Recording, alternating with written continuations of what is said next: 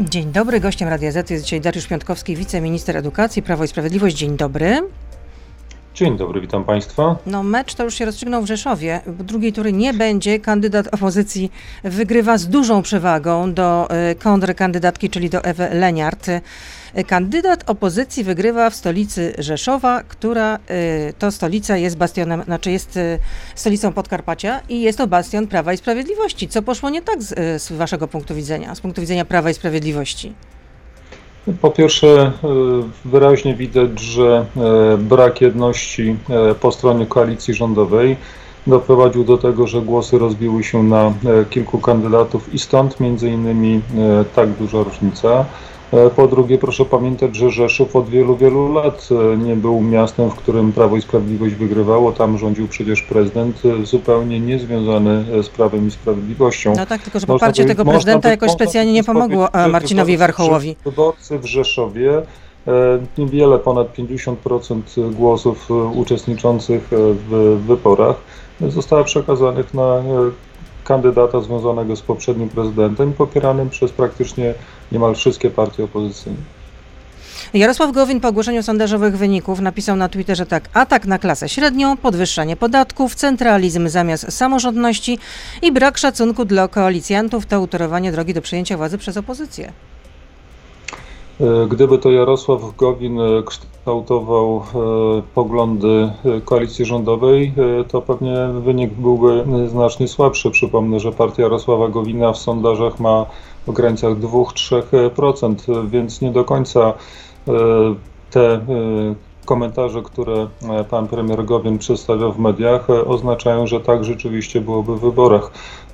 Przypomnę jednak, że to choćby Polski Ład i program na kolejne kilka lat rządów w Polsce powodują, że w sondażach Prawo i Sprawiedliwość zdecydowanie odzyskało większe poparcie wyborców. No ale jakoś ten Polski Ład jakoś specjalnie nie zadziałał na Rzeszowie, no, a pani Ewa Leniart... Ale to przypomnę jeszcze raz, że w Rzeszowie, tak jak i w wielu innych dużych miastach, Prawo i Sprawiedliwość od wielu lat nie wygrywało w wyborach samorządowych. No tak, tylko że Podkarpacie to jednak bastion Prawa i Sprawiedliwości. Nie zmieniły tej tendencji istniejącej od wielu lat.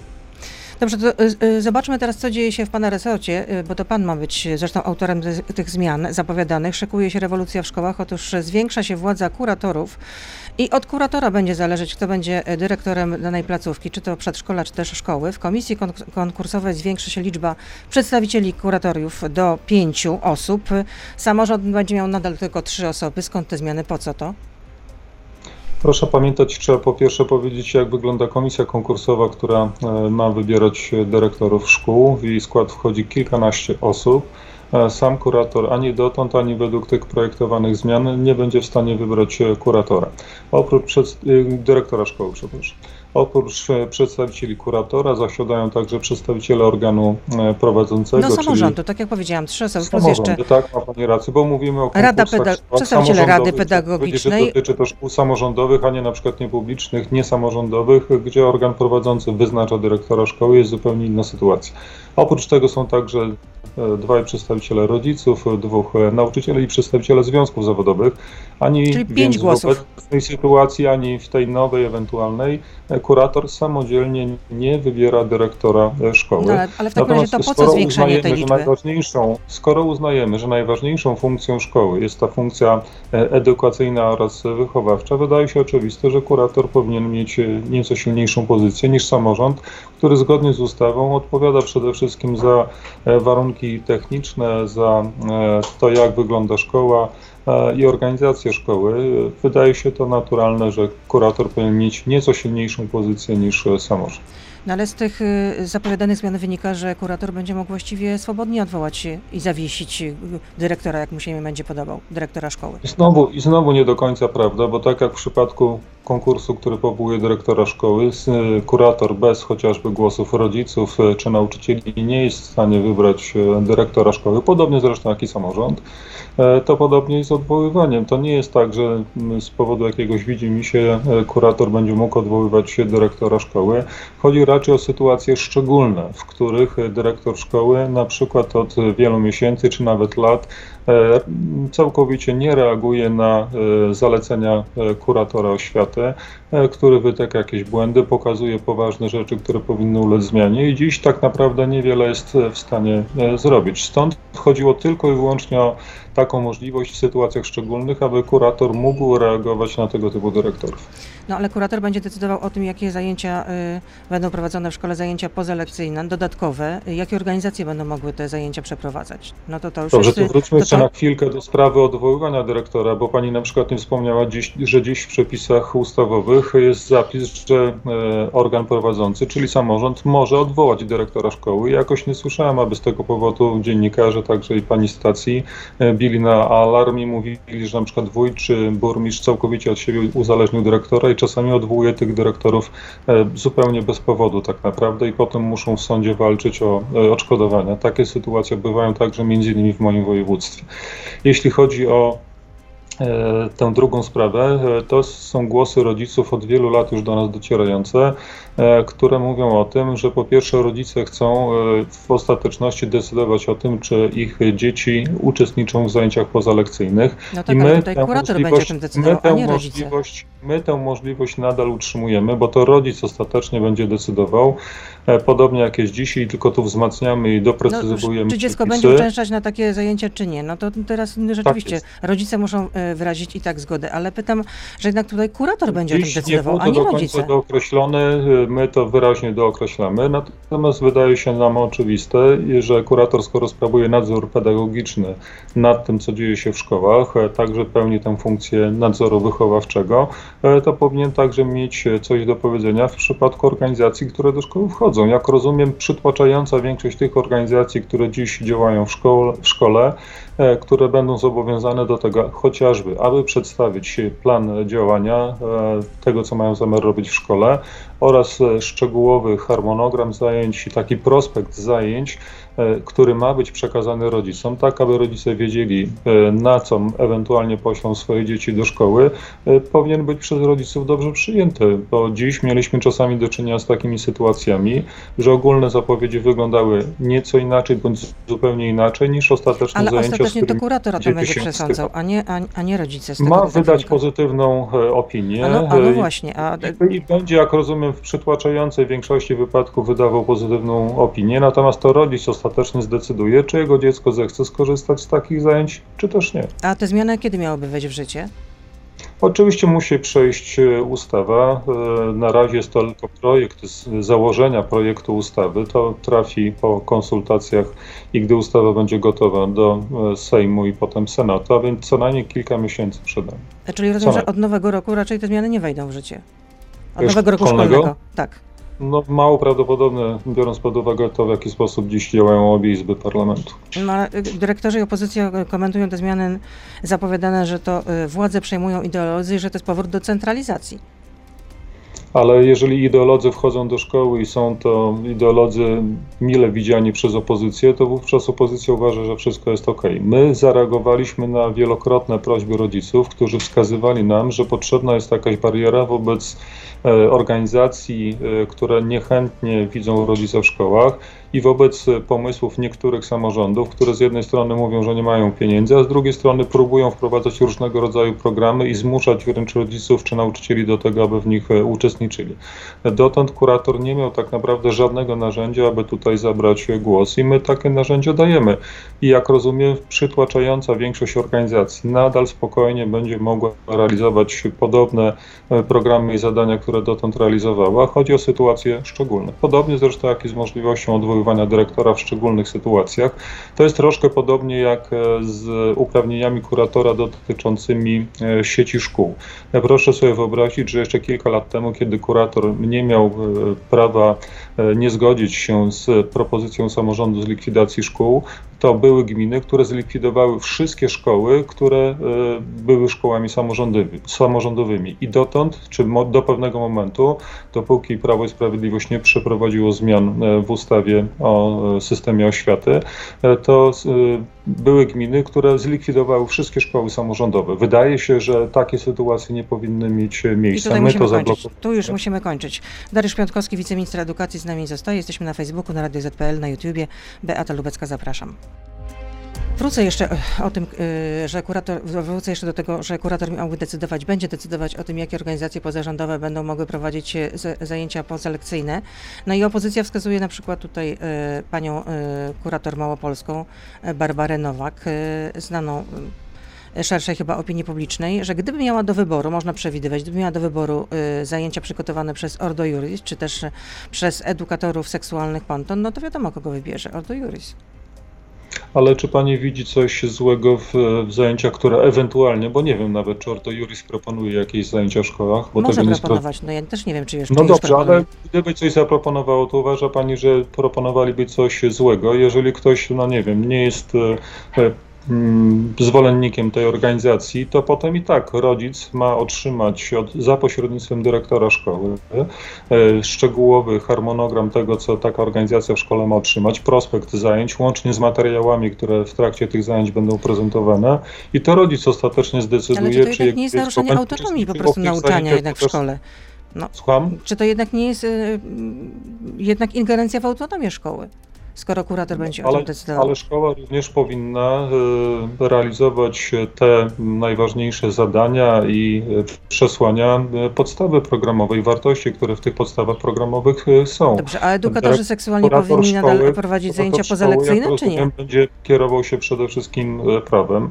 Edukacja seksualna jest fragmentem chociażby takiego przedmiotu jak wychowanie do życia w rodzinie. Pan minister Czarnek niedawno, jak pamiętam, mówił o potrzebie wzmocnienia pozycji tego przedmiotu w szkole. Między innymi e, zniknęły takie zalecenia, które mówiły o tym, że ten przedmiot, o ile jest organizowany w szkole, ma być koniecznie na pierwszej lub ostatniej lekcji, chociażby po to, aby ułatwić uczniom korzystanie z tego przedmiotu. Ale czy zajęcia, zajęcia pozalekcyjne pod tytułem edukacja seksualna powinny być, czy nie powinny być, Pana zdaniem?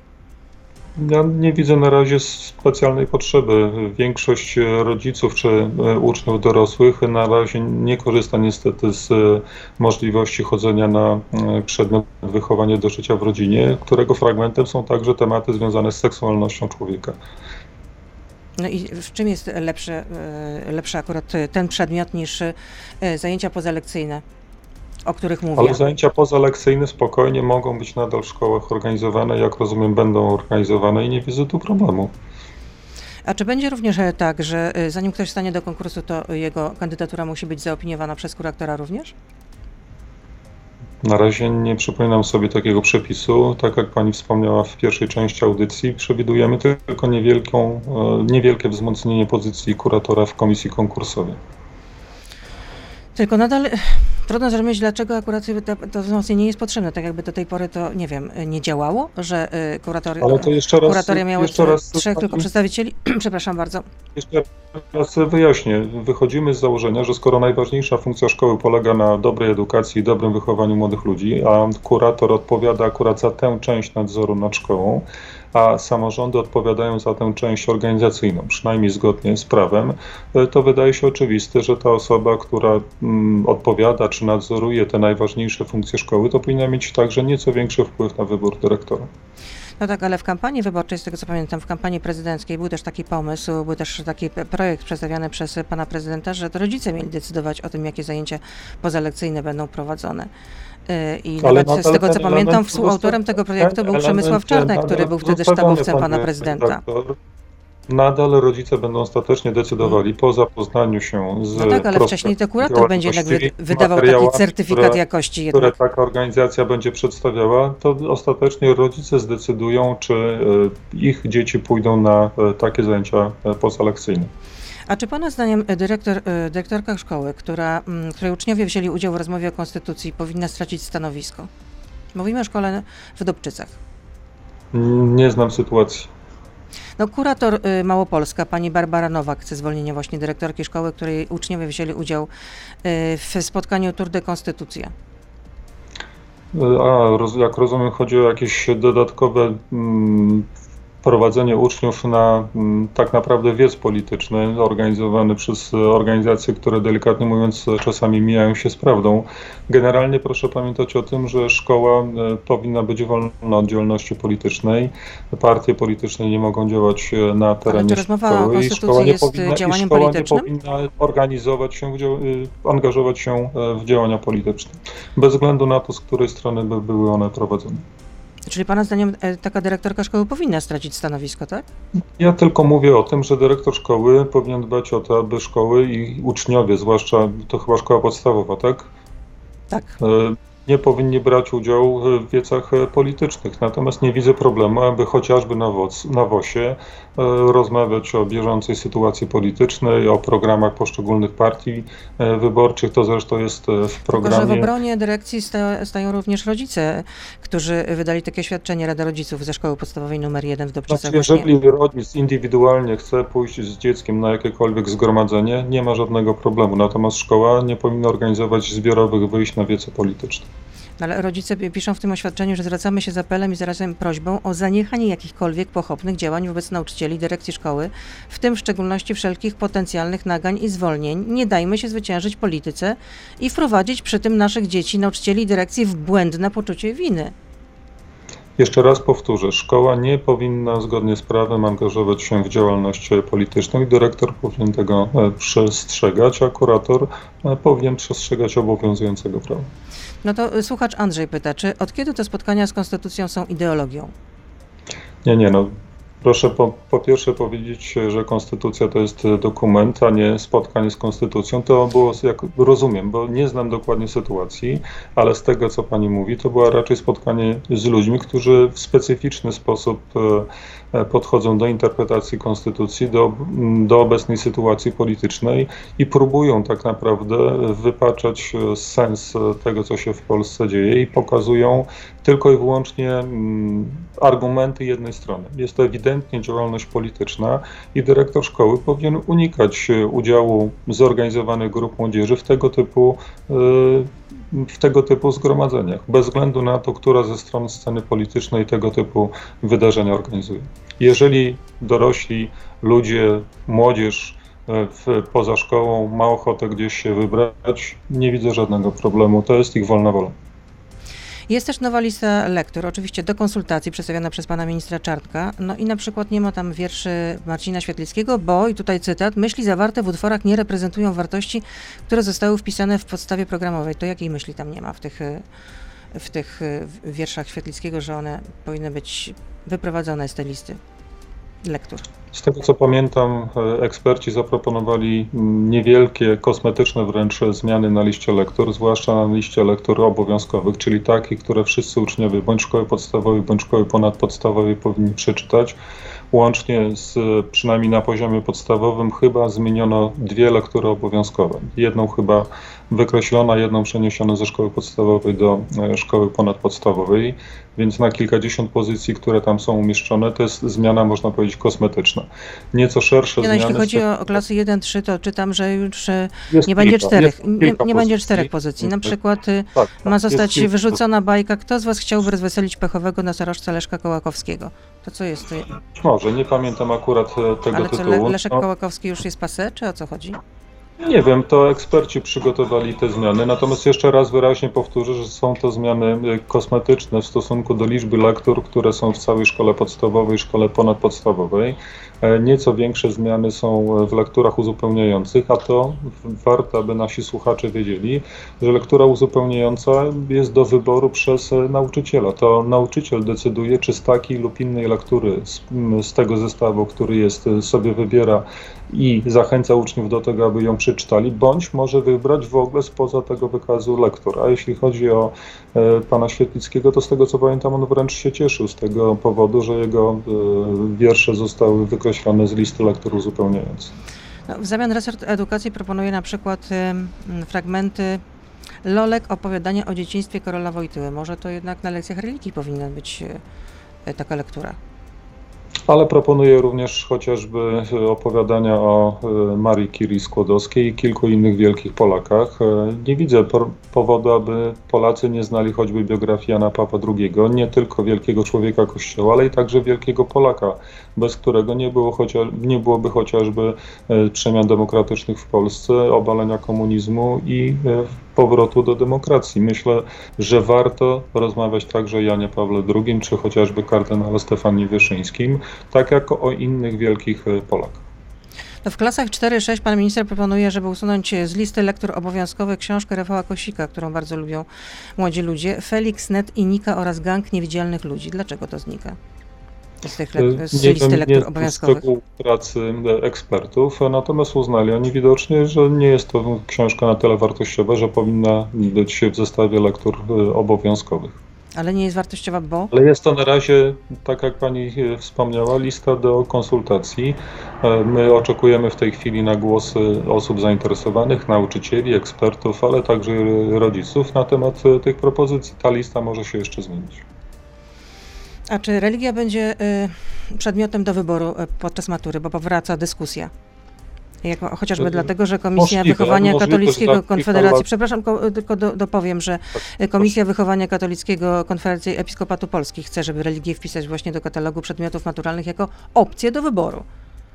I tak, dobrze pani to zaznaczyła. Mm, Tak, takie postulaty pojawiają się już od kilku lat. Gdy ja byłem ministerstwem, w ministerstwie jako e, szef tego Głównodowodzący. resortu, to także, trafiały tak, tego typu postulaty. Ja nie widzę żadnego problemu, aby ten postulat e, zrealizować. Uważam, że jeżeli jest grupa uczniów, która chce e, na maturze mm, zdawać akurat ten przedmiot, powinna mieć możliwość takiego wyboru.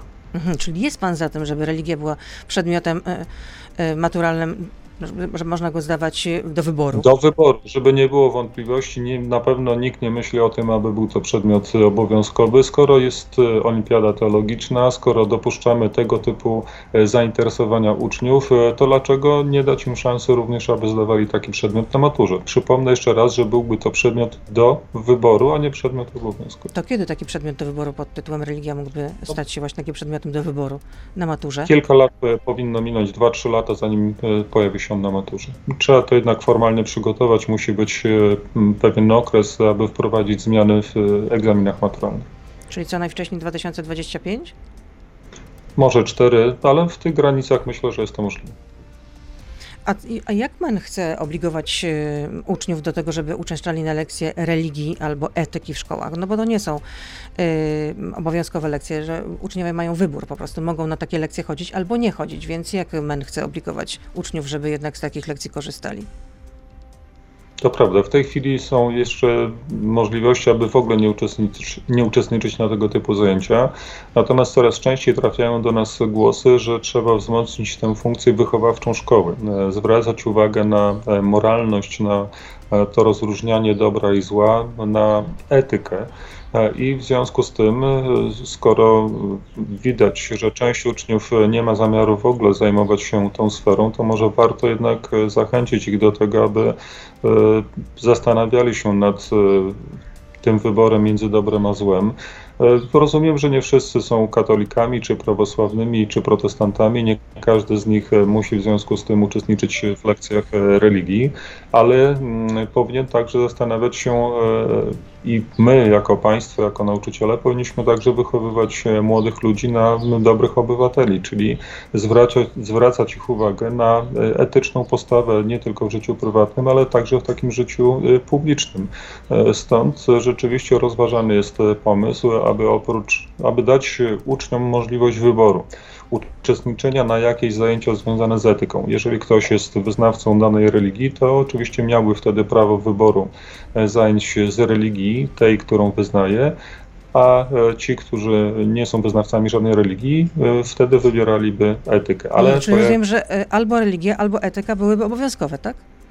W pewnym sensie tak, aczkolwiek nie- wyraźnie mówimy, że nie byłby to przymus wy- wybierania zajęć z religii. Jeżeli ktoś nie chciałby chodzić na religię jakiegokolwiek wyznania, wówczas e, miałby obowiązek uczęszczania na zajęcia z etyki. No i kiedy takie zmiany mia- miały zostać To wprowadzone? też wymaga kilku lat, nie da się tego zrobić z miesiąca na miesiąc. Trzeba chociażby e, umożliwić wykształcenie grupy nauczycieli, którzy mogliby w szerszym zakresie niż dotąd prowadzić zajęcia e, z etyki. A jeśli chodzi o powrót y, dzieci do szkół y, po, y, po pokonaniu trzeciej fali, nazwijmy to w ten sposób, fali koronawirusa, chociaż no, nie wiem, czy tak super sobie z tym poradziliśmy, ale no, widać rzeczywiście, że jest spadek zakażeń. A jak, jakie są dane, jak to wpłynęło na, na liczbę zakażeń w szkołach? Wśród uczniów, wśród nauczycieli są jakieś takie dane? E, tak, zbieramy te dane, jeśli chodzi o e, liczbę szkół, które muszą czasami przechodzić na zajęcia zdalne bądź hybrydowe. To jest bardzo niewielka e, liczba szkół, zdecydowanie poniżej chyba pół procenta. No, z tego co pamiętam, dwie dziesiąte chyba procenta, czasami nawet jeszcze mniej. A więc można powiedzieć, że w tej chwili na szczęście jest to skala mikroskopijna. Wszystkie szkoły i przedszkola, które wróciły do zajęć, funkcjonują normalnie. To są nieliczne wyjątki, gdzie na tydzień czy kilka dni nawet najczęściej nie cała szkoła, tylko pojedyncze klasy muszą przejść na nauczanie hybrydowe bądź zdalne. Na szczęście, tak jak Pani wspomniała, nie tylko widać wyraźnie zmniejszoną liczbę zakażeń w skali całego kraju, bo są to już zaledwie setki osób dziennie, a nie wiele tysięcy. E, I podobnie jest w szkołach. To są incydentalne e, sytuacje. Z tego się cieszymy. Mamy nadzieję, że po wakacjach będzie podobnie. Wydaje się, że chociażby ta masowa akcja szczepień, przypomnę, że nauczyciele należeli do jednej z pierwszych grup, które mogły się e, zaszczepić, a teraz także stopniowo e, zachęcamy młodzież do tego, aby korzystała ze szczepionek. Pozwolą na to, aby po feriach e, letnich można było spokojnie wrócić znowu do zajęć stacjonarnych. Widać było zresztą w tych pierwszych dniach, że zarówno młodzież, jak i nauczyciele czekali na to, aby mogli się w końcu spotkać fizycznie, a nie korzystać tylko i wyłącznie z komunikatorów elektronicznych. Są pytania do pana ministra od, od słuchaczy. Czy jest pan za zakazem organizowania marszów równości? Pyta Bogdan. E, jesteśmy za tym, aby obywatele mogli korzystać ze swoich praw. Do takich praw e, należą innymi e, prawo do organizowania różnego rodzaju mm, zgromadzeń. E, oczywiście w tej chwili jest to utrudnione, bo ciągle mamy jeszcze do czynienia z ograniczeniami epidemicznymi. Natomiast oczywiście nie jestem zwolennikiem marszów równości. Uważam, że duża część poglądów, które są tam głoszone czasami w sposób mało delikatny, no, nie jest naj, najfajniejszą propozycją, delikatnie mówiąc, natomiast no, jest prawo do swobody zgromadzeń.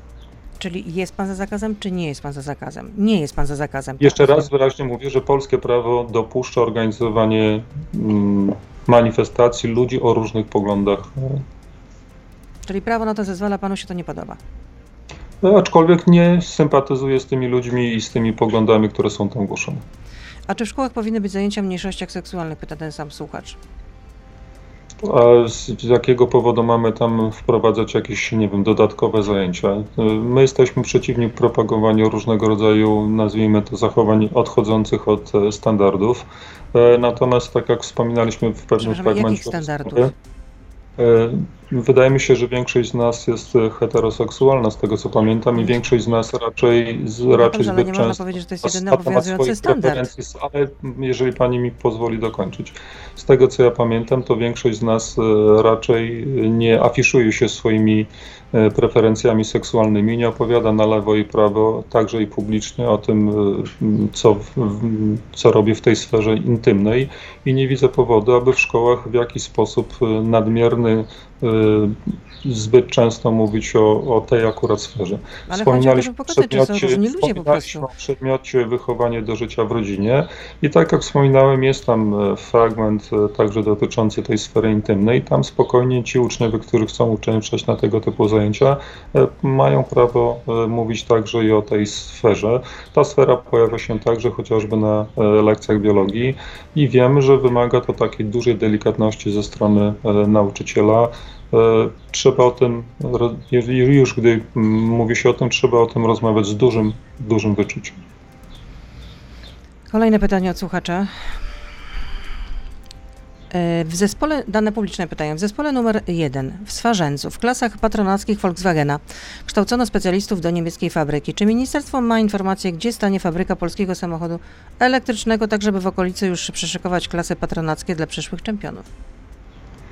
Nie wiem, to nie jest jakby sfera y, działań naszego ministerstwa, natomiast generalnie jesteśmy za tym, aby była jak największa współpraca między pracodawcami a szkołami, bo to daje dużo większą szansę na znalezienie dobrej pracy po zakończeniu szkoły. My stawiamy generalnie na szkolnictwo branżowe. E, chcemy, aby część młodzieży, która nie ma zamiaru wybierać studiów, zdobyła jak najszybciej fach, mogła odnaleźć się e, na rynku i to takiego zdobycie takiego zawodu, który daje możliwość y, zdobycia miejsca pracy w kilku różnych miejscach. Aszu pyta, ile będziecie katować dzieciaki maskami w szkole? Ale nie ma obowiązku noszenia masek w szkole. My wyraźnie tylko wspominamy, że y, powinno się zachować chociażby maseczki w przestrzeni publicznej.